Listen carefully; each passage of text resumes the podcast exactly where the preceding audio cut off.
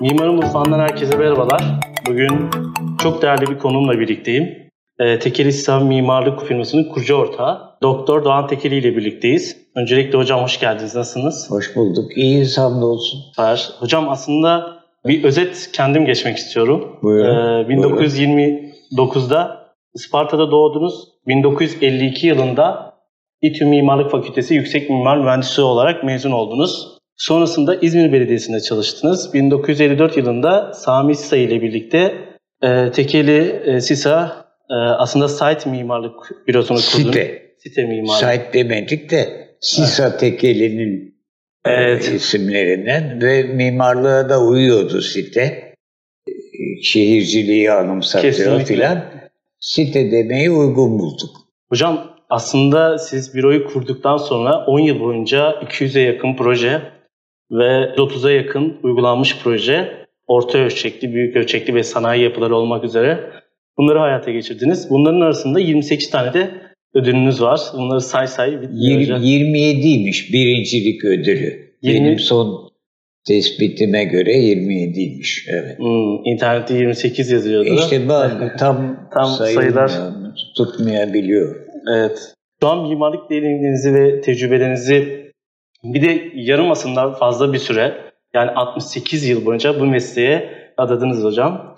Ee, Benim burada ilk başta aslında mimarlık öğrencileri için de biraz e, geçmişe gitmek için de istiyorum. Mimarlığı nasıl okumaya karar verdiniz? Ee, Nasıl seçtiniz? İlk oradan başlayarak böyle bir timeline'a göre ilerleriz diye Evet. düşünüyorum. Efendim e, meslek seçimi lise sonlarda yapılıyor. Daha evvelden çok fazla bir mesleğe dair ne oluruz, ne yaparız diye bir şeyim yoktu. Ama ben İzmir Atatürk Lisesi'nde okudum. İzmir Atatürk Lisesi 1947'de İzmir Atatürk Lisesi'nden mezun oldum. Hı. O yıllarda İzmir Atatürk Lisesi İstanbul Teknik Üniversitesi'ne en çok öğrenci sokan liseydi. Bu da matematik, fizik, kimya hocalarının yoğun çalışmaları sonucunda oluyordu ve İzmir Atatürk Lisesi Fen kolundan mezun olanlar adeta e, bir mahalle baskısı sonucunda teknik üniversiteye gidiyorlardı. Ben de teknik üniversiteye gitmeye hazırlandım Atatürk Lisesi mezunu olarak. Başka bir şey düşünemedim. Ama düşünüyordum ki eğer giremezsem teknik üniversiteye herhangi bir şekilde belki siyasal bilgilere giderim. Tarihçi olmak düşüncem var. Ee, siyasetçi olmak düşüncem var. Ama e, teknik üniversiteye bir defa başvurduk ve kabul edildik teknik üniversiteye. Yalnız e, matematik, fizik, kimyada son sınıfta iyice sıkıştırıldığımız için ben baktım ki e, teknik üniversitenin dört fakültesi var o zaman. İnşaat, makina, elektrik, mimarlık. Bizim lisenin gözünde mimarlık fakültesi en zayıf. Yani Hmm. edebiyat kolu gibi lisenin. Müdür filan öyle diyor. Ee, o zaman ben ben mimarlığa gideceğim dedim. Çünkü biraz daha içinde sanat var, düşünce var, matematiği de biraz az. Sebebi de ben matematikten de lisede iyi not alıyordum ama edebiyattan ve tarih gibi sosyal bilgilerden çok daha kolay onu alıyordum. Matematikten de acaba bu seferden de alabilir miyiz gibi biraz kuşkulu. Gene 10 alıyordum, 9 alıyordum ama biraz tereddütlü yani daha az severek ama ötekileri çok seviyordum. Neticede mimarlık fakültesine kabul edildik ve 5 yıl 1947-52 arasında İTÜ Mimarlık Fakültesi'nde dönemin çok kıymetli hocalarından Kesinlikle. bir mimarlık eğitimi aldık ve 52'de mimarlığa başlamış olduk. 52'de başlamış oldunuz evet. E, e, hocam aslında Sayın Emin Onat da mimarların çok yücelttiği bir ortamda mimar toplumun önünde gider, toplumla birlikte kurtulur diye bir demeci okumuştum. Oradan şuraya gelmek istiyorum. Bu gibi ideolojiyi yetiştirdiğinizi söylediniz. Şimdiki mimarlık eğitimdeki değişimleri Yani 52 yılından bu yana nereden yarım asırlık bir dönemden bahsediyoruz. Mimarlık eğitimdeki değişimi nasıl yorumlarsınız günümüzde? Şimdi ben mimar toplumun önünde gider gibi çok net bir ifade kullandığımı sanmıyorum. Bilmiyorum nerede geçti ama Az öncekiyle alakalı bir düzeltme yapayım. Mimar toplumun önünde gider, Ha. toplumla mimarlık kurtulur. Aslında o sanırım Emin Onat'ın bir sözüymüş. ha Siz- belki Siz Belki. onun aslında jenerasyonunda e, eğitiminde yetiştiğiniz için Hı. o ideolojiyle yetiştirdiğinizi söylediniz Evet, bir demeç vardı. evet evet evet. Onu da düzeltmiş olayım. Evet. Şudur o zamandan kastımız. Bize verilen mimarlık ideolojisi mimarlık toplumu geliştirecek. Mimarlığın topluma büyük katkısı olacak. Çünkü geçmiş uygarlıklar hep mimarlıklarıyla anılıyorlar. Hı hı. Roma, Mısır, efendim Bizans da, daha ne isterseniz andığınızda önce mimarlıkları akla geliyor. Roma mimarisi, Mısır mimarisi ve uygarlıklarının düzeyini mimarlıklarıyla ölçebiliyoruz bugün. Ee, onun için mimarlığın toplum için çok önemli olduğunu bize öğretti hocalar. Biz de ona inandık tabiatıyla. O mesele odur. Ve e, düşünüyorum da aradan geçen seneler geçtikten sonra eğer Türk toplumu mimarlığa ve mimarın katkılarına içtenlikle inanmış olsaydı belki bugün kentlerimiz farklı bir durumda olabilirdi. Bu mesele aslında belki ileride daha geniş ölçüde açarız. Bir şöyle anlatayım.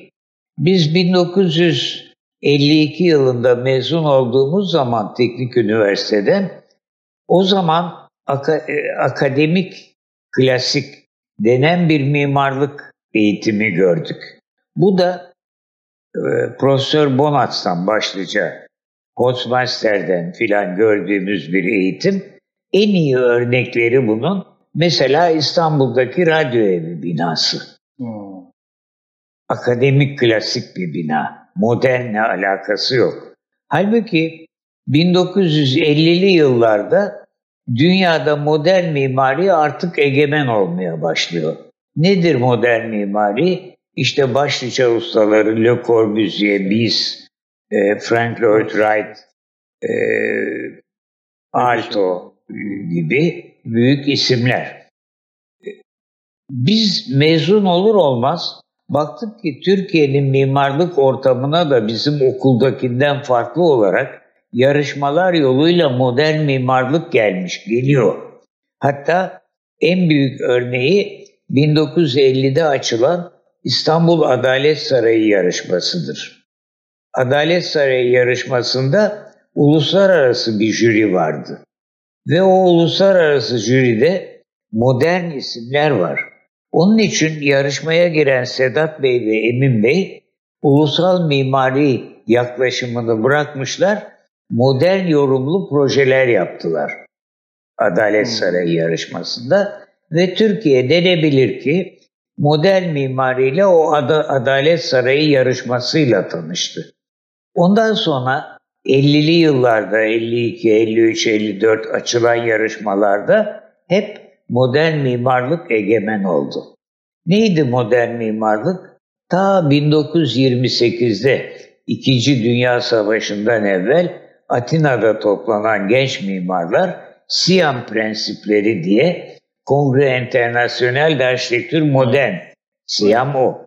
O kongrenin e, ilkelerini koymuşlar. Yani süsten azade bir mimari. 19. yüzyıl mimarisinin kalıplaşmış e, çeşitlerinden ayrılan, fonksiyonu ve strüktürü daha önceleyen, elbette estetik değeri de var ama e, bir nevi ekonomik bir mimari amaçlayan bir mimari ilkeler ortaya koymuşlar. Bunları da özellikle Le Corbusier fevkalade iyi avukatlığını yapmış. Evet. Ee, mesela e, Le Corbusier'in bütün çalışmaları diye beş ciltlik bir kitap vardır. Övre Komple de Le Corbusier. Biz mezun olur olmaz Bonas'tan farklı olarak Corbusier'in kitaplarını su içer gibi öğrenmeye çalıştık. Damla damla adeta. Evet. Ve baktık ki fevkalade inandırıcı. Ahlak var. Yani dürüstlük var. Hı hı. İşlevi temsil etmek var. Süs az. Yalın bir mimari ve samimi bir mimari. Ayrıca bir özelliği de şu, bu yalınlığı, süsün azlığı, emek yoğun bir mimarlık değil bu. Daha az emekle elde edilen bir mimarlık.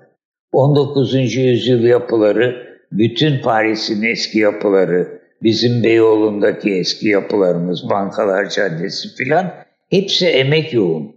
Taşlarla, taş yontularak senelerce yapılan bir şey. Halbuki 1950'de artık İkinci Dünya Savaşı'ndan çıkılmış çok sayıda yeni yapıya ihtiyaç var. O yapıları artık yapmak mümkün değil. Ayrıca sosyal düşünceler de var.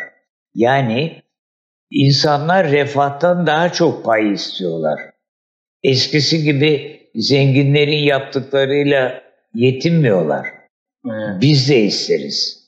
Bütün bu düşünceler modern mimariyi egemen hale getirdi ve biz de Sami Bey ile beraber modern mimariyi izlemeye başladık. Evet. İlk girdiğimiz proje yarışmalarından itibaren modern mimariyi izleyerek geldik. Hmm. Ve bu Türkiye'de 1970'li yıllara kadar geldi modern mimarlık akımı. Ama modern mimarlık öyle bir şeydi ki biraz da kutu kutu yapılar çıkarıyor. Evet. Mesela Mies van der Rohe'un sırt cam prizmalar var evet. binaları. Biz de kendi kendimize düşünürdük ki ayol bu Mies çok iyi bir mimar. Less is more diyor hmm. mesela. Minimalist davranıyor. Bir hmm. net bir prizma yapıyor filan cam.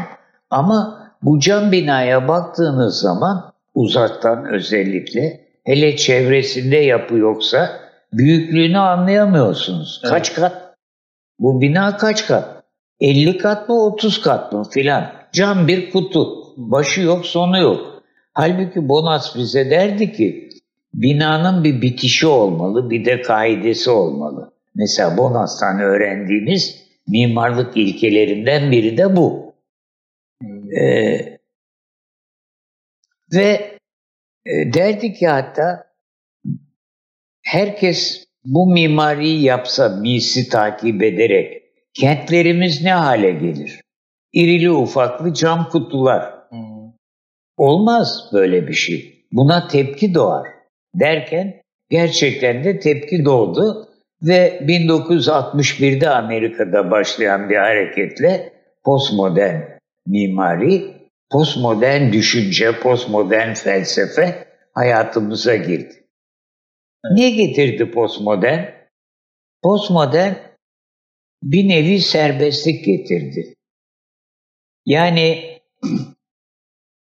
e, modern mimarinin formları, yalınlığı bizde fazla oynama olanağı vermezken postmodernde ne yapsan olur. Liberal ekonomi de öyle. Bırak yapsınlar, bırak geçsinler. Hı hı. Düşünce de öyle, mimarlık da öyle. Bu sefer Türk toplumunda yavaş yavaş moderne tepkisi olanlar postmoderne geçmeye başladılar. Biz kendi payımıza ne yaptık? Biz de modern mimarinin yi biraz daha hareketlendirerek, kendi yapılarımızda modern ilkeler içinde kalarak ama mesela daha çok gölge ışık, daha çok plastik hareket yapmaya çalışarak e, e, modernizmi farklı yorumladınız. Modernin e, Jenks diye bir İngiliz mimarlık tarihçisi var. O late modern diye yani geç modern diye bir de sınıf ayırıyor. Modern late modern, postmodern diyor arada. Biz de bir nevi late modern mimari uygulamaya başladık ama e, modern ilkelerden sapmadık. Postmoderne hele kendi kendi mimarlığımız içinde postmodernin serbestliğini de saymadık. Hmm. Yani kabul etmedik. Çünkü nasıl misin mimarlığının tekerrür etmesi halinde kentlerimiz ne olur diyorsak postmodern içinde aynı şeyi söylüyoruz. Disiplinsiz yapılar, irregularizm yani düzensizlik bir araya geldiği zaman kakafoni doğuyor. Evet. Örneğin Dubai'ye git mesela. Hı hı. Dubai'de her çeşit yapı formu var. Her evet. biri teker teker baktığınız zaman güzel yapılar. Dergiye tek başına alıp bastığınız zaman. Ama bir arada olduğu zaman o bir değişik, öteki bir değişik, öteki bir değişik. Ne oluyor? O da bir kakafoni oluyor. Halbuki e, eski kentlerimiz belli bir yapı teknolojisiyle birbirine saygılı bir mimarlık üretmişler. Mesela Bursa evleri, Safranbolu evleri hala ama niye beğeniyoruz? Birbirlerine saygılı bir özel mimarlık. Yani aşağı yukarı böyle bir e, çerçeve çizebiliriz. Tabii 2000'li yıllardan sonra bu modern ve postmoderne bir de tarihsel mimarlık kavramı geldi. Evet. Osmanlı Selçuk biliyorsunuz. Evet. O kafaları iyice karıştırdı. Mimarlar tam ikti- postmoderne geçmişken aslında geçmişken bir de geçmişe dönük bir mimarlık. Bu da başka türlü bir tuhaflık getiriyordu. Çünkü biz kendi yapılarımızda inandığımız bir şey e, mimarlık yapısı bütün sanat yapıtları gibi çağının ifadesi olmalı. Ta bakın mesela e, eski Yunan mimarisi Parthenon değil mi? Bir harika, mimarlık harikası. Beğeniyoruz Parthenon'u. E hep Parthenon'u mu yapacağız yani? Güzel diye. Evet. İrili ufaklı Partenonlar mı yapacağız? Olmaz. İhtiyaç farklı, çağ değişiyor, malzeme, teknoloji değişiyor. Çağının mimarisi olmalı diye düşünüyoruz. Hı hı. Onun için bizim yapılarımızda hep efendim özgün olsun, kimsenin taklidi olmasın, bize mahsus, bizim yarattığımız bir bina olsun ama çağdaş olsun. Kesinlikle. Ve diyoruz ki eğer bir Türk mimarı çağdaş bir yapı yaparak başarılı olabilirse o çağdaş Türk mimarlığı olur zaten. Kesinlikle. Hocam ben şöyle bir soruyla devam etmek istiyorum. Siz yapı evet. teknolojisi demişken sizin e, zor sanat üzerine yazdığınız, e, mesleki uygulamalar üzerine yazdığınız evet. e, kitabınız vardı. Evet. Mesleki uygulama şimdi 68 yıllık mesleki hayatınızı da düşündüğünüzde e, dediğiniz gibi çağı yakalamak, o yapıyla o çağın aslında e, ifadesini yakalayabilmek çok önemli. Siz bu yapı teknolojisinde, mesleki uygulamada bir değişim gördüğünüzde bunu yapılarınızda nasıl uyguluyorsunuz? E, şu anki dönemi ve geçmişi Efendim şöyle uyguluyoruz. Mesela biz bir dönem çok sayıda sanayi yapısı yaptık. Evet. Sanayi yapıları mimarlıkta önemli bir branştır, bir daldır. Hı. Ve her yaptığımız sanayi yapısında bir yeni buluş.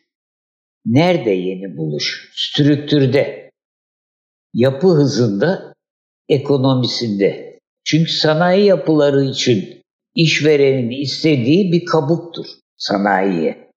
Sanayiye bir örtü yapın siz. Mimarlıktan filan ilgili değil yani. Sanayinin içinde yer alacağı e, doğa koşullarından kurtulacağı bir kabuk. Bu kabuk da en ekonomik ve en hızlı yapılsın isterler. Biz de bu yönde daha ekonomik, daha hızlı inşaat teknolojileri araya araya 1963'teki Chrysler kamyon Motor. fabrikası inşaatımızdan başlayarak 80'deki 80'li yıllardaki Lassa'ya kadar çeşitli Fiyat, ve birbirini Renault. takip eden gelişmiş yapı teknolojileri uyguladık. Hmm. Mesela Renault fabrikasında Türkiye'de ilk defa mekan kirişi, üçgen kirişler kullanılmıştır. İlk defa. Dünyada vardı. Ama onu biz kullanabiliriz. Türkiye koşullarında Türkiye'nin demircileri yapabilir. Onun detayını çizerek nasıl çözümleneceğini hallederek yapmaya çalıştık. Lassa'da ise ondan sonra Lassa'da ise tümüyle prefabrike bir yapı yaptık. Evet. Bütün elemanları prefabrike.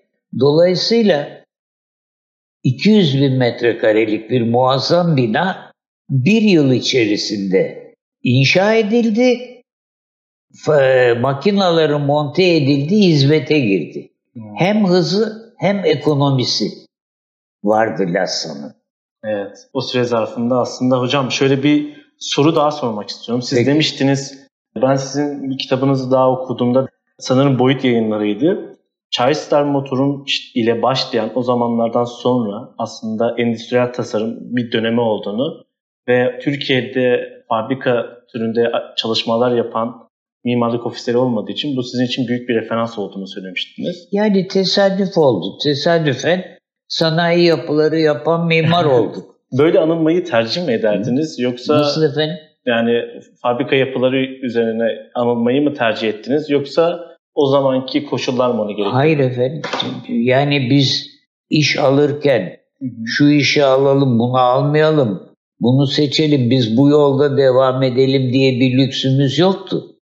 Yani ne iş gelirse onu yapıyoruz. Önce düşündüğümüz bir defa büroyu ayakta tutabilmek.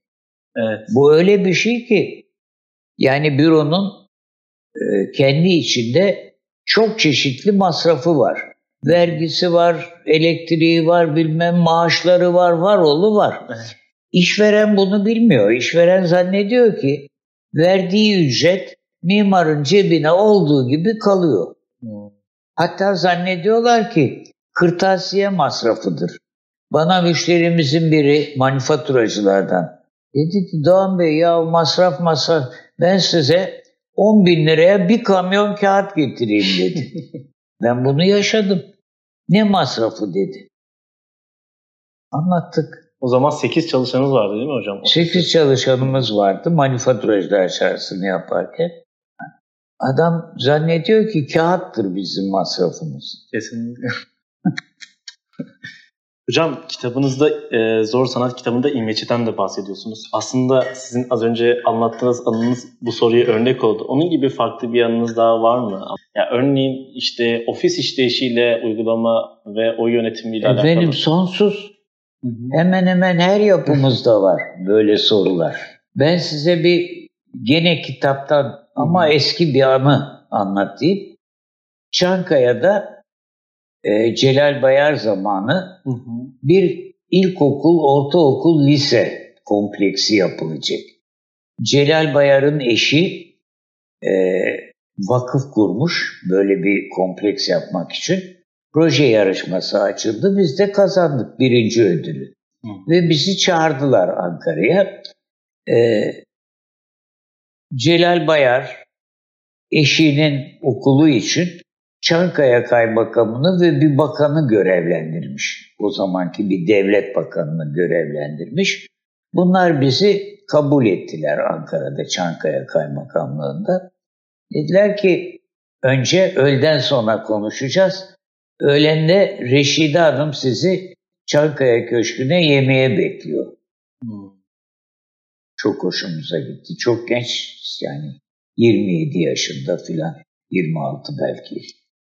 Yahu mimarlığa bak sen yani Cumhurbaşkanı'nın eşi bizi Çankaya'ya yemeğe çağırıyor.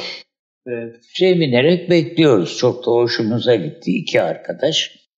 Sonra haber geldi aşağıdan. Araba geldi diye. indik baktık bir cip. Askeri cip tıngır. Ee, Bir de bizimle Çankaya Mahallesi'nin muhtarı da gelecek. O da bir hanım.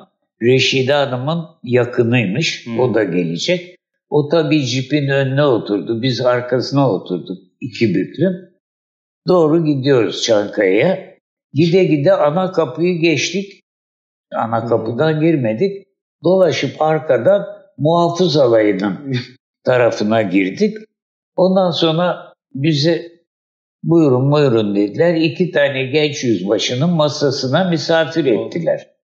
Meğer biz yemeğe muhafız alayının yüzbaşılarına davet edilmişiz. Tabii bir defa ilk şoku orada yedik. Ondan sonra döndük geldik. Bakan gelmiş kaymakamın odasına. Buyurun ne yapacağız filan dedi. Dedik efendim işte bir sözleşme yapılacak usulen biz işe başlayacağız. E yapalım yapın filan dedi. Dedi ki bunu Bayındırlık Bakanlığı çok iyi biliyor. Bu Bayındırlık Bakanlığı'nın usullerine göre açılıyor. Ee, Ankara Bayındırlık Müdürünü emrederseniz o gelsin, fiyatı hesaplasın, sözleşmeyi hazırlayalım, işe başlayalım. Daha evvelden bir tecrübemiz oldu çünkü biz fiyatı söylersek kıyamet kopuyor. Geldi Nafa Müdürü oturdu hesapladı. Ee, işte maliyeti 5 milyon olur o zamanki parayla. Evet, 3 milyon olacak dedi maliyeti dedi. Efendim bizim, bizim bakanlık normlarına göre bu 5 milyon. Hayır efendim biz keresteyi ucuz alacağız, kumu ucuz alacağız şeydir bu. Bu şimdi 5 milyon yerine 3 milyona inince ücret o nispette düşüyor tabii. Evet. Ona rağmen adam hesapladı, çıkardı bakanın önüne koydu 230 bin lira. Mimari ve mühendislik ücretlerinin tamamı. Onları görür görmez adam elinde tesbih vardı. Hı hı. Kaymakamın da masasına oturmuş. Kaymakam kenarda biz de uzakta oturuyoruz hı hı. falan. Elindeki tesbihi attı odanın ortasına. Yanlış bu hesaplar düzelttim bunları dedi. Çıktı gitti. Hiçbirimize söz hakkı kal biz şimdi kaymakam, muhtar, Ankara Nafa Müdürü hepimiz odada kala kaldık. Kendi hazırladığı. Neyse bu anılarla doldurmayayım ben hikayeyi. Türkiye'de mimarlık hı hı. E, toplumun alışmadığı bir hizmet. Mimarlık hizmeti. Şimdi bugün Türk toplumu içinde bir hani anket yapıyorlar ya seçim anketleri. Böyle bir 3 bin kişi, 5 bin kişi örnekleme yapıp toplumu örnekleyecek. Mimar ne yapar diye sorsalar acaba kaç kişi bilir mimarın ne yaptığını? Son zamanlarda biraz değişti gibi ama o da farklı bir yöne çekildi. Mimarın aslında kavramı müteahhitliğe de çekilmiş oldu biraz Hı. son zamanlarda. Evet. Yani bu kavram farklılığı mimarın aslında müteahhit olarak anılması sürecine geldik gibi. Çünkü başka çare yok. Yani evet. şu mimarlık hizmetine Türk toplumu para ödemek istemiyor. Kesinlikle. Malzemeye filan ödüyor da istediği kadar pahalı alabilir malzemeyi. Fakat mimara gelince ya adam iki çizgi çiziyor diyor. onun arkasındaki büyük düşünceyi, onun arkasındaki büyük hazırlığı kimse fark etmiyor. Hocam şöyle bir soruyla devam etmek istiyorum müsaadenizle. Ee, siz modern mimari örneklerinde işte yapılarınızda işte örneğin Le Corbusier'in o 5 ciltlik kitabından e, esinlenerek aslında ışığı farklı da kullanarak uyguladığınızı söylediniz. Örneğin geçmişteki aslında sizin ilk zamanda başladığınız o yarışmalarla başlayan modern mimari ve şu anki postmodern mimari arasında değişiklikler üzerine. Efendim modern mimarinin e, form bakımından, gölge ışık yapı plastiği bakımından zaman içinde zenginleştiğini söyledim. Hı hı. E, orada yani malzemede, e, mimarlığın dilinde bir gelişme var. Postmoderni zaten dikkate almadım. Çünkü postmodernde şöyle bir mesele var. Daha geniş bir felsefi mesele şudur modern mimari döneminde e, herkesin kabul ettiği uluslararası anlamda Türkiye'de değil müşterek bir estetik anlayışı var. Herkes herkes bu güzeldir diyebiliyor bir estetik anlayışı. Postmodernde estetik anlayışı kişiselleşiyor. Kişisel estetik anlayışı. O zaman işte herkes her istediğini yapıyor. Fark burada. Hocam biraz size şöyle bir e, sanayi yapıları yapmış, günümüzde birçok örneğini bırakmış bir mimar olarak aslında şu soruyu sormak istiyorum. Her vakit bulunduğunda e, sanayi yapılarını e, yeni kimlik kazanarak hayata tekrar kazanımları üzerine araştırmalar yapıyorum ben de. Aslında endüstriyel döneminden sonra gelen teknoloji devrimiyle aslında sanayinin biraz daha şehir içinde biraz daha minimize edilerek uygulandığını görüyoruz. Sizce aslında bu eski sanayi yapılarının restore edilerek farklı anlamda kazandırılması, örneğin Bomonti fabrikası gibi, örneğin Varşova'daki, örneğin Avrupa'daki yapılardaki örnekler gibi evet. neler söylemek istersiniz? Sizce çok iyi uygulanıyor mu bunlar? Efendim bu tabii çok önemli bir mesele. Şöyle ki e, sanayide 1930'lardan 50'lerden gelen anlayış e, şimdi özellikle 1980'den hele 2000'den sonra farklı bir üretim tarzına döndü. Yani robotlar, daha insan az, elektronik çalışmalar, dijital çalışmalar vesaireler bunlar o dönemin sanayi yapılarını işlevsiz hale getirdi. Evet. Farklı bir şey. Mesela ben bir ara Amerika'da bulunduğum zaman e, Philadelphia, New York ve Washington arasında trende giderken Philadelphia'da muazzam bir sanayi yapıları stoku gördüm. Yani göz alabildiğine boş yapı. Dolu. Müthiş. Ne olur bu yapılar? Şimdi birini kültür tesisi yap, birini müze yap, birini belki okul yap filan.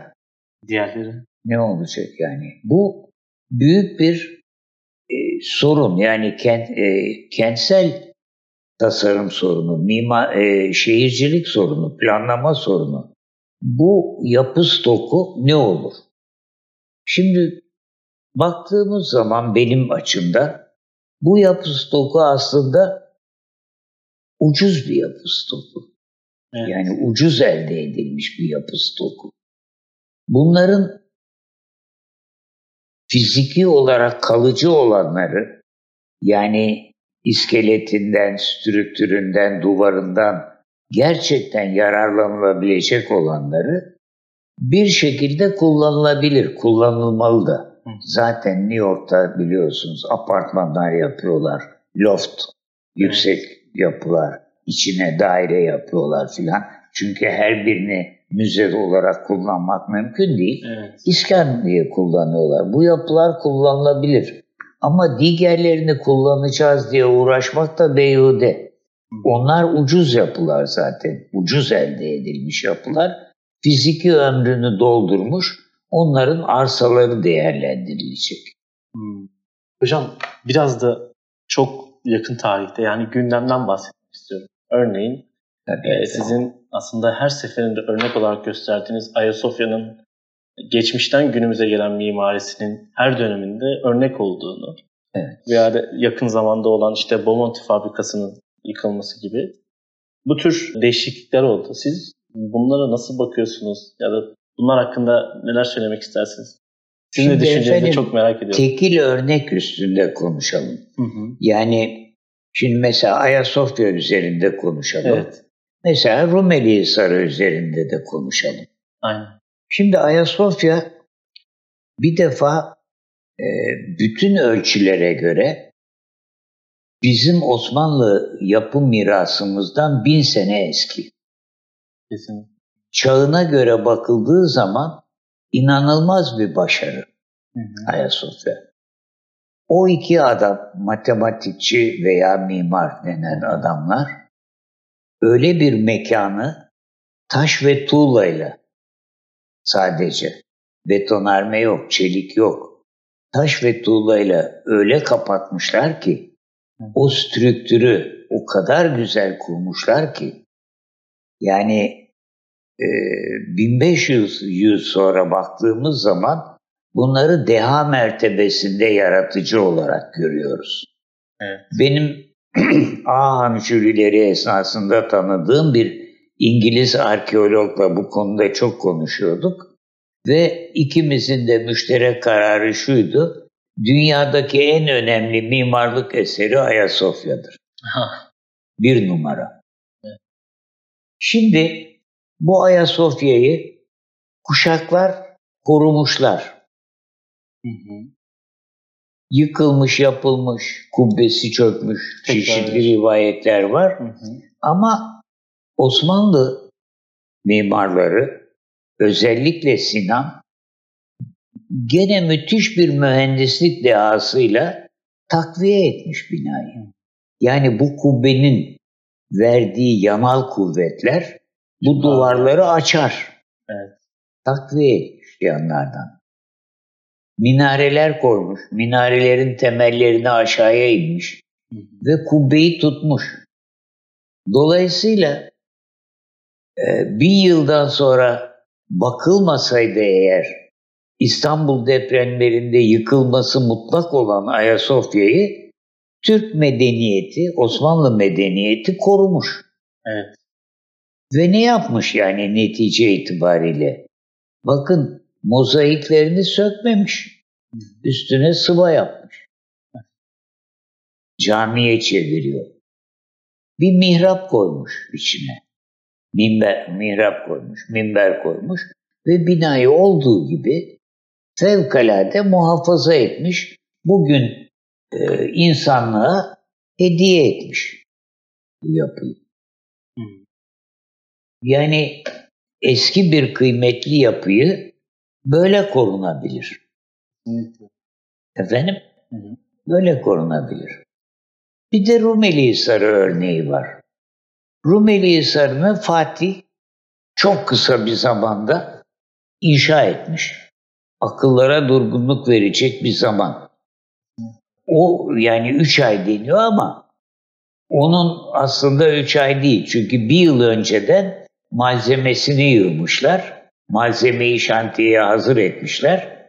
Planlamışlar, etmişler. Ondan sonra o, o malzemeyle birden üç koldan, üç ordu inşa ediyor. On bin işçi filan. Onu o paşa, bunu bu paşa. Bunu da Fatih bizzat başında durarak yani böyle bir işbirliğiyle inşa edilmiş. Zaman geçmiş, ilk işlevi sona ermiş. Boğaz'dan artık öyle bir koruma ihtimali yok. Osmanlılar hapishane olarak kullanmışlar. Hı hı. 19. yüzyılda, 18. yüzyılda. Ee, ve Cumhuriyet döneminde de duvarları çökmüş. İçinde de bir mahalle var. Ahşap bir mahalle var. Ee, Demokrat Parti iktidara geldiği zaman Bayar meraklanmış bu işe.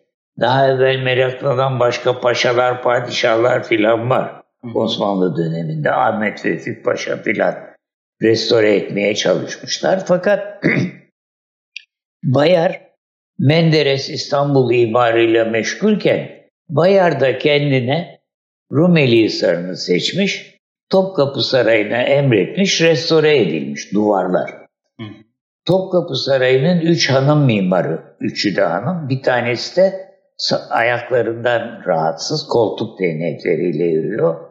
O duvarlara çıkarak kuleleri, çürük e, yıkılmış duvarlarını, dendanların yıkılmış şeylerini, çatılarını mükemmel restore etmişler ve Bayar emretmiş içindeki mahalle de yıkılmış. Ondan sonra içerisi olmuş bir çöplük. Otlar bürümüş filan. Bayar düşünmüş ki bunu bir açık hava müzesi, askeri açık hava müzesi yapalım. Bir proje yarışması açıldı bunun için. İşte o yarışmayı da biz kazandık ve iş düzenlemesini yaptık Rumeli Bunun e, meziyetleri, niye kazandı, nasıl yaptık filan bunlar konuşuluyor, kitaplarda da yazılı. Bizim biliyorsunuz 1954-74, 54-94 diye iki kitabımız var. Evet. O kitaplarda bunlar planlarıyla, kesitleriyle açıklanıyor. Ama e, bugünkü iktidarımız bu gösteri alanının içerisine bir de cami yapıyor. Ne gösteri alanı kalıyor? Gösteri alanı duruyor da sahnesinin üstünde cami var. Artık bir şey yapmaya imkan yok. Şimdi bu işte kültür mirasımıza saygının bir başka türlü yorumu. Nasıl olur? Şimdi benim o zaman Facebook'a yazdığım şey şuydu. E, demokratik bir iktidar, seçilmiş Demokrat Parti iktidarı e, terk edilmiş Rumeli Hisarı'nın içinin müze olarak kullanılmasını kararlaştırıyor ve yapıyor. Evet. Sergi açılıyor, müze, müze oluyor. Başka bir demokratik iktidar geliyor ben de bunun içine böyle yapayım diye. Peki bizim kültürel mirasımız Ne siyasal iktidarların oyun alanı mıdır? Hocam aslında gündemden de biraz konuşurken şunları da sormak istiyorum. Kısa kısa sorular Tabii, olacak tabii. bunlar. Tabii. E, Siz e, ofisiniz aslında hep 8 çalışan olarak e, standart olarak bu projelerinizi ürettiniz. Hep büyümekten aslında o masraftan e, çekindiğinizi de e, söylediğiniz Büyümekten, ofisi büyütmekten. büyütmekten. Yani daha çok eleman Evet. çalıştırmaktan. Evet. Çünkü masrafı ve yükü çok ağır olduğunu, o zamanlar aslında çok büyük sıkıntılar olduğunu da söylediniz. İşte e, bu bahsettiğiniz, az önce de bahsettiğiniz mimarın toplum içerisindeki e, aslında alışamadığı bir süreç var. E, siz aslında o zamanlar e, yurt dışına açılmayı, yurt dışında projeler yapmayı, örneğin Libya'da e, bir proje örneğiniz var. E, Rusya'da yapmayı, var. Yapmayı düşünüyor muydunuz hocam? E, o zaman çünkü bahsettiğiniz dönemlerde yurt dışında proje yapma aslında o zamanki sizin yaptığınız ölçeklerdeki projeler yapan ofisler için çok mümkün gibi duruyordu. Siz o zamanlar için neler söylemek istersiniz? Efendim şimdi biz tabii her zaman arzu ettik yurt dışına da açılalım diye ama şimdi yurt dışına bir mimarlık bürosunun kendi imkanlarıyla açılmaya çalışması neredeyse mümkün değil bir destek olmadan. Hmm. Şimdi nasıl mesela Suudi Arabistan'a gittik biz yapı yaptık Suud'da. Hmm. Ama bir müteahhitle gittik. Müteahhide yaptık yapıyı. Suudi Arabistan makamlarına yapmadık. Müteahhit ya. Müteahhide yaptık. Çünkü müteahhit arkasında bizim devletimiz var. Büyükelçimiz var, devletimiz var, Türk müteahhidi diye koruyor. Mimar kendi başına gittiği zaman Suudlu'nun umurunda değil. Ödemez de parasında. Ödemiyor nitekim. Şu dönemde de öyle mi hocam? Abi her zaman öyle. Her zaman öyle. Devlet arkanızda olacak veya güçlü bir müteahhit olacak. O müteahhitin arkasında da devlet var. Rusya'da biz Gazprom'u yaptık. Hı hı. Ama Gama ile yaptık. Evet. Gama. Gama Türk müteahhidi. Gama orada büro kurdu. Adamları var, korumaları var, bilmem nesi var. Öyle bir kuruluş ki Gama orada. Gama parayı almazsa zaten yapıyı yapmayacak. Evet. E, aldığı paradan bize de veriyor hakkımızı. Hmm. Yoksa biz kendi kendimize gidip ben Mimar Doğan'ım Moskova'da proje yapmaya geldim desem. Hayır, o, oraya e, çok zengin giderseniz lüks bir otelde yardımcılarınızla kalıp filan orada bir mesela oradaki devlet erkanına bir davet yapıp orada bir sergi yapıp gücünüzü filan gösterebilecek bir mali güce filan erişirseniz belki bir itibar kazanırsınız. Hmm. Aksi halde nasıl olacak? Biz 1963'te Chrysler fabrikasını yaparken en kaydı müteahhit Amerikan arabaları vardı patronların, Şarık'la Sadi'nin arkadaşlarımız. Onlar şantiyeyle Amerikan arabalarıyla geliyorlar.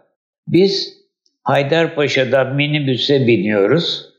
Ee, arsanın önünde minibüsten iniyoruz. Ondan sonra toz içinde arsadan yürüyüp inşaata kadar toz toprak yürüyüp gidiyoruz. Mimarın otoritesi. Buna rağmen otorite kurmaya çalışıyoruz. Evet. Kişiliğimizle filan yani. Kesinlikle. Hocam sizlerin projelerinizi incelerken çokça motive oluyorum. Nedeni ya çünkü sizler e, siyasi bir ekonomik bir güçten değil de yarışmalarla evet. kendinizi ifade evet. ettiniz. Ve 10 yıl boyunca durmadan gece gündüz evet. yarışmalara evet. için evet. çalıştınız. Evet. E, verdiğiniz emekler e, ve o sürecin meyvelerini o zamanlar aldınız. Ondan sonra artık yavaş yavaş Türkiye kamuoyu, işverenler filan devlet ha Doğan'dan Sami diye birileri var burada diye fark etmeye başladı. 20 tane yarışma kazandıktan sonra. 20 yarışma kazandıktan sonra. Evet. Hocam peki o zamanki anılarınızdan bahseder misiniz? Yani ya örneğin işte az önce söylediğiniz gibi 20 yarışma kazandıktan sonra e, kamunun dikkatini çekiyor. E o zaman gibi mesela işte Chrysler'ciler e, Chrysler'in temsilcisi olan mühendisler İstanbul'a geldiler. Hı hı. Mimar arıyorlar İstanbul'da. Mimarlar Odası'na gitmişler. 61 tane özel büro ismi almışlar. Ve teker teker bu büroları ziyaret etmiş mühendisler grubu. Bakmışlar ki bu 61 büronun büro denecek nitelikte 8'i. 8 tane var. Hmm. Diğerleri çocuk belediyede çalışıyor. Evini büro göstermiş. Kapıyı çalıyorlar burada filan e, annesi çıkıyor çocuğun. Ya, şey be, be, belediyede çalışıyor. Bürosunu göstereyim diyor. Götürüyor yatak odasında bir masa var çocuğun filan. Onları silmişler. 8 tane büro kalmış İstanbul'da. Hmm. Büro denebilecek 1963'te bu. 1963'te. İşte. Ve o 8 büro içinde biz daha evvel yarışmalar kazanarak bir büro kuruluşu haline geldiğimiz için bizi seçtiler. Hmm. İyi kötü sekreterimiz var, masalar var Amerika gibi, mimarlar hmm. çalışıyor, yapılmış projeler, arşivlenmiş şey, referanslar falan. Ha bunlar büroya benziyor diye bize verdiler. Onu yaptıktan sonra arkadan gelenler sanayi yapısı yapan mimar kim? Doğanlar gidiyorlar. Böyle gelişiyor işler. Hmm. Hocam gençlik yıllarınızda çok aktiftiniz. Hem de 27 yaşında en genç e, Mimarlar Odası Başkanlığı yaptınız. Evet. Aslında e, az önce de söylediğiniz siz siyaseti seviyordunuz, siyasetçi, tarihçi olmayı arzuluyordunuz ama hmm. o an bir manevrayla mimarlık okumaya karar verdiniz. E, Enerjinizi o zamanlar e, bir nevrede yarışmalara da adadınız. Evet. Siz aslında geçtik yıllarınızda yaptıklarınızın mimarlık disiplinine çok büyük katkılar e, sağladı. Bu Mimarlar Odası Başkanlığı da olmak üzere.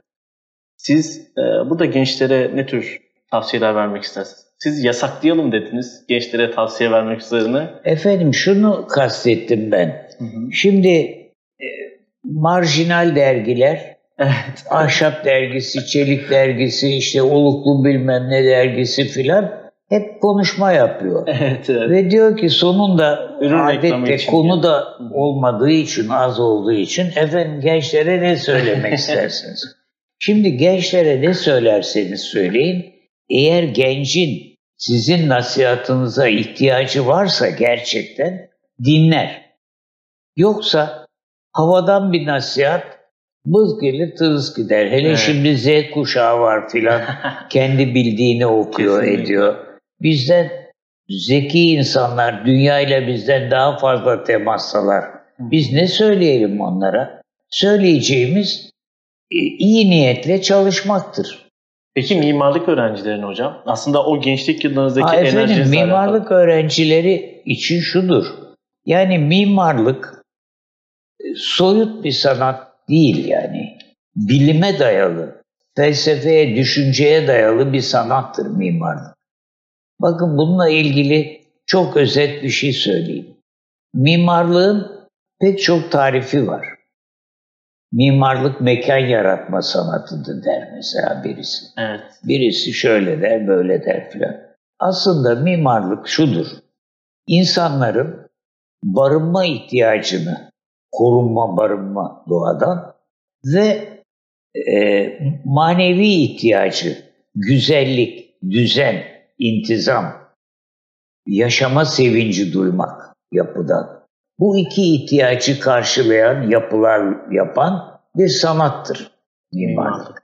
Ama soyut bir sanat değildir. Heykel gibi, resim gibi, müzik gibi. Mutlaka bilim olacak. Mutlaka etik olacak içinde. Etik nedir? Yani toplumun ihtiyaçlarından doğan bir yapı yapmaktır. İşlevi doğru koymaktır. Süs değildir yani yapılan yapı. Süs olsun diye yapılmaz mimarlık.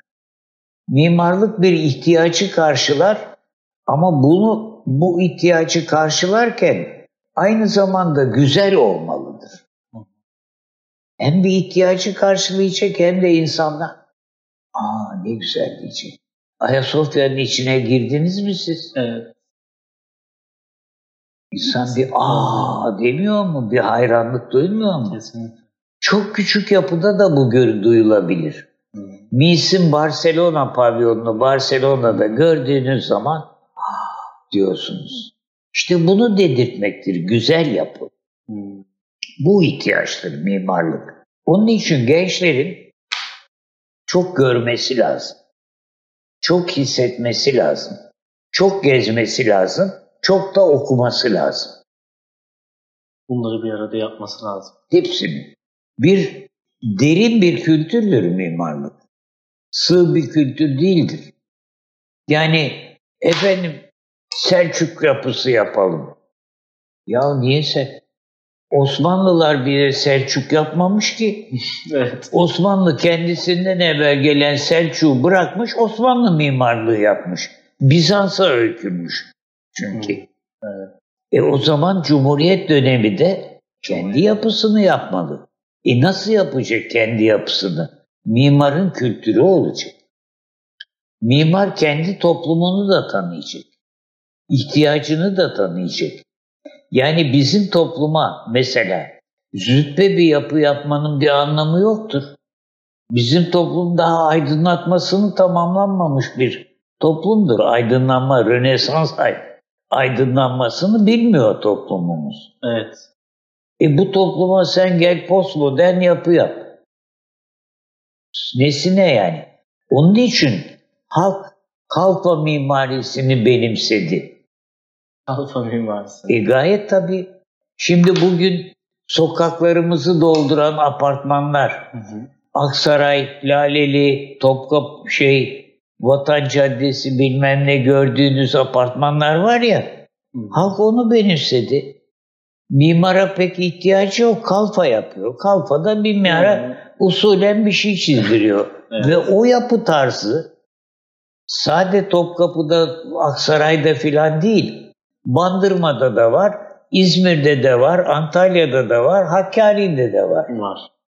İşte akıl, asıl Türk mimarisi o. Hı. Şimdi o mimariyi biz halkla beraber düzeltebilirsek, yani halkı eğiterek mimari açıdan bir yere getirebilirsek görev yapmış olacağız. Hocam son iki sorum kaldı. Müsait Peki sorun efendim. olmazsa onları da sormak Hayır istiyorum. efendim, Bunlar tabii. öğren mimarlık öğrencilerine yönelik. Yani bunlar bilmiyorum sohbet ediyoruz Evet, işte. evet. Gelişi güzel sohbet Aynen. Siz ediyoruz. hocam bir ne ara şey demiştiniz. yarar herkesin bilmem. Çok yarayacağından eminim hocam. Siz bir ara sohbetinizde şey demiştiniz.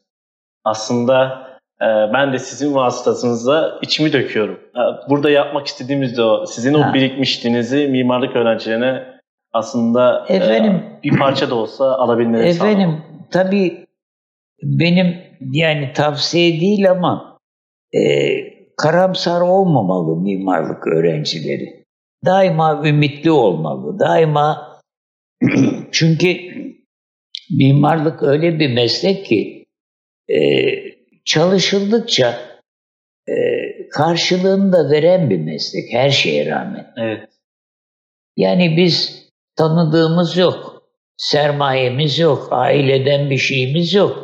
Sırf çalışarak Türk toplumunda iyi kötü bugüne kadar ayakta kaldık. E bu bir şeydir. Kesinlikle. Demek ki bu bir iyi bir örnektir çalışılınca yapılacağına dair. En büyük örneklerinden biri de sizsiniz. Yani- hocam. Yaptığınız projelerinizle. Aslında öğrenci yarışmalarında da e, yani siz aslında yarışmalara çokça katılım Evet. gösterip birincilik almış bir mimar olarak öğrenci yarışmaları mimarlık öğrencilerin hayatında Çok etkisi var. Ben sade öğrenci yarışmalarının değil, büyük yarışmalarında daha yani mezunlar arasında yarışmalarında her şeye rağmen çok öğretici olduğuna inanırım. Şöyle ki mesela bir belediye sarayı yarışmasına girecek bir genç mimar. Böyle açıldı. Son 2-3 yılda Balıkesir Belediyesi, efendim e, Manisa Belediyesi filan bir takım belediye binaları yarışmaları, yarışmaları oldu. açtı. Evet. Mezun mimarların çok sıklıkla başvurduğu bir yarışma. Evet. Şimdi böyle bir yarışmaya giren mimar bir defa belediye binası nasıl işler? Sonra başka mimarlar nasıl yapmış? Hı hı. Eski yeni örnekler nasıl yapmış? Biz bugün ne yapmalıyız ki kazanalım? Yani bu öyle bir beyin çalıştırmasıdır ki ciddi bir insan için müthiş öğreticidir. Biz havaalanı yaptık. Antalya Havalimanı yarışmasına İlk girdik. Türkiye'de ilk havalimanı yapısı. Evet. Yahu nedir havalimanı? Nasıl işler? Gittik öğrendik. Çalıştık. Dünyada yapılmış havalimanlarının hepsini neredeyse literatürden tabii gidip görecek halimiz yok. Ama nasıl çalışılıyor? Yolcu nereden giriyor, nereye çıkıyor? Bu trafik en iyi nasıl çözülebilir? Hepsini düşünerek aslında. Hocam yeni mezun mimarların aslında gözlemlediğiniz, şu an işte siz e, son kaç yıldır bilmiyorum ama ofisinizi gençlere devrettiniz. Var tabii. E, gençlere baktığınızda, ofisinizdeki yeni mezunlara baktığınızda aslında yeni mezunların yaptığı hataları gözlemlemek dışarıdan daha kolay oluyor. Sizin gözlemleyebildiğiniz hataları var mı? Gibi. Efendim hayır, başlıca mesele şu. Mimarlığın bir bilim tarafı var. Bir de felsefe bir de Bir de felsefe tarafı, estetik tarafı var. Bir defa bilim tarafını öğrenmeden çıkıyorlar Hmm. mimarlar. Şimdi bizdeki eğitim daha çok estetik felsefe üzerine. O da tam değil. Yarım yamalak. Dört yılda o olmaz zaten. Buna mukabil bilim tarafı da eksik. Çünkü birçok hoca mimarlığı sadece form olarak alıyor. Bir form yaratmak. Dergilerden bakıp özgün bir form. İnşa edemiyorsun ki onu. Evet. Onun için genç mimarlar mutlaka bir deneyimli büroda iki yıl çalışıyorlar. Ve öğreniyorlar. Bilim Evet. tarafını Gayet tabii. Hocam şimdi aslında mimarın mutfağında her konuma sorduğum bir sorum var. Bu sorudaki sormamın neden? Aslında mimarın mutfağı 20'li yaşlarında öğrencilerin aslında bir girişimiyle başladı. Sizin eee, geçmişe dönüp baktığınızda da aslında bir nebze içinizi dökebileceğini düşündüğüm bir soru. 20 yaşına dönmüş olsaydınız aslında neyi farklı yapardınız? Gençlik yıllarınızı düşündüğünüzde. O zamanlar sanırım İTÜ'de oluyordunuz. Efendim, tabii şu şöyle bir şey söyleyebilirim. Biz e, bizim kuşak daha doğrusu Cumhuriyet'in ilk kuşaklarıyız biz. Evet. 29'da demek ben Cumhuriyet ilanından 6 yıl sonra sonra doğmuşum ve tamamen Cumhuriyet'in ilk yıllarında yetiştik. 47 1947 yani 23'ten 47 çıktı. 18, 20, 25, 26 senesi Cumhuriyeti. Biz liseyi bitirdik. Yani o hocalar, o idealizm içinde yetiştik. Ee, o koşullara dönecek olursak aynı şeyi yapardık. Başka çünkü başka alternatifimiz de yoktu yani. Teknik üniversiteye girebiliyorsak oraya gireceğiz zaten. Tıbba gitme şansı yok. Ayıplarlar adamı. Ya teknik üniversiteden çıktın sen. Tıbba da giden var ama çok az. Teknik üniversite çünkü en kıymetli o zaman yani Robert Kolej gibi mesela teknik üniversite. Atatürk Lisesi mezunu oraya gider. Yani bu. Evet.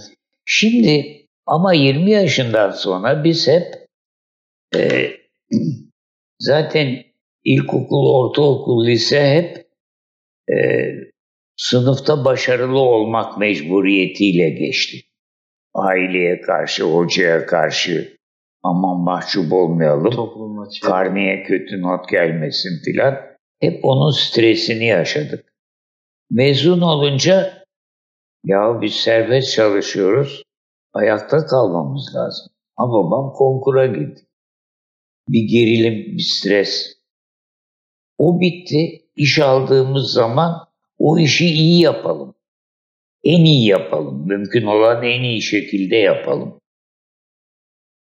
Öyle çalıştık. Mesela ben e, cumartesi günkü televizyon konuşmamda da söyledim. Ben mesela mezun olduğum zaman filan bir hayal kurmazdım. Yani ben şöyle olayım, mimar olayım, mimarda da filan olayım. Böyle hiç aklıma gelmezdi. Aklıma gelen şuydu. Şu an sınıfta yapı dersinden iyi not alalım. Emin Onat'tan iyi not alalım. Emin Onat'a mahcup olmayalım, çok çalışalım. Mezun olduk, konkuru kazanalım. Konkura giriyoruz, kazanalım. Yırtınıyoruz. Kazanalım, kazanmazsak mahvolduk diyor. Hep öyle yetiştik. Şöyle ki hocam mimarlık öğrencilerini az önce siz e, söylemiştiniz. De Corbusier'in 5 çitik kitabı benim işte modernizmi denememde evet. çok büyük etki oldu demiştiniz. Bu konuda önerebileceğiniz başka bir kitap, film öneriniz var mı? Örneğin ben Doğan Kuban'la da görüştüğümde kendisi e, film olarak kovboy filmlerini çok sevdiğini söylemişti. Hmm. Sizin bu anlamda sevdiğiniz Efendim, filmler, öneriler Doğan, var mı? Doğan Kuban sağ olsun. Büyük bir hocadır ama şaşırtıcı olmayı sever. Evet. Ne söylerse, aa hoca ne dedi filan. Biz öyle değiliz. Biz normal bir insanız yani. Onun için benim için e, çeşitli mimarlık kitapları var. Yani mesela e, Practicing Architecture diye bir kitap vardır. E, şimdi Türkçesi basılmış. Genel mimarlık kitapları. Mesela monografiler okumak. Hı hı. E, ve demin anlattım zaten. Evet. E, yaşamak, görmek ve düşünmek. Yani bu mesela yapıların önünden geçiyoruz değil mi? Beyoğlu'nda bir takım yapılar farkına bile varmıyoruz. Önüne durup baktık, aa bu bina burada mıydı ya, böyle bir şey mi vardı burada diyoruz. Halbuki o bina ne sıkıntılarla yaratılmıştır. Mimarı ne çekmiş mal sahibi, belediye ile tartışmalar bilmem neler filan. Ya ne yapmış adam burada? Böyle düşündükçe tekamül ediyor insan. Evet. Doğan Bey, Doğan Tekeli. Hı hı.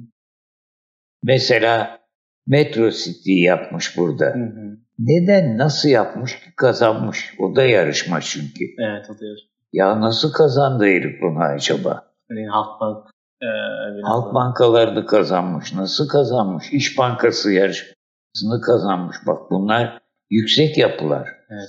Diğer yüksek yapılardan farkı var mı bunların? Bir bak bakalım. Neden kazanıyor bu adam?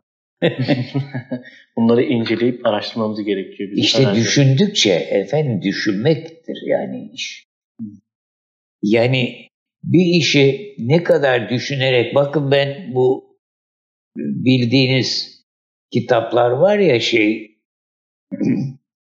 Çebişevi'nden Hisartepe'ye filan o kitapları kaç defa sayfaları yeniden yazdık. Halbuki baktığın zaman ona hiçbir şey yok. Dümdüz okunuyor. Bir şey yok. Ama onu o hale getirmek için o sayfa en az üç defa yazılmıştır yeniden. Proje yapar gibi. Ondan sonra o takılmadan okunabilir bir hale geliyor.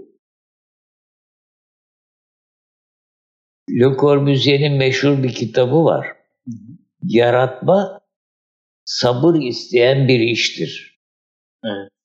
Creation is a patient search. Yani yaratma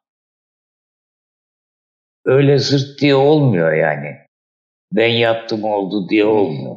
Daha tabii yani saatlerce, günlerce bununla böyle bir şey konuşulabilir. Kesinlikle hocam.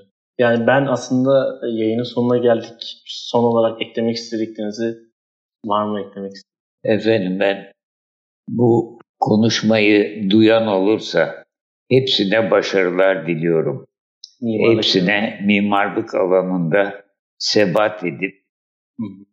e, sebatla, iyi niyetle, düşünmekle başarı kazanılabileceğini düşünüyorum her şeye rağmen. Çok güzel bir son oldu hocam. Çok teşekkür ederim hocam. Bugün çok değerli bir konumuzla Tekeli Hisse kurucu ortakları Mimar Doktor Doğan Tekeli ile birlikteydik. Bizi kırmadıkları için teşekkür eder. Başka bir mimarın mutfağında görüşmek üzere. Hoşçakalın.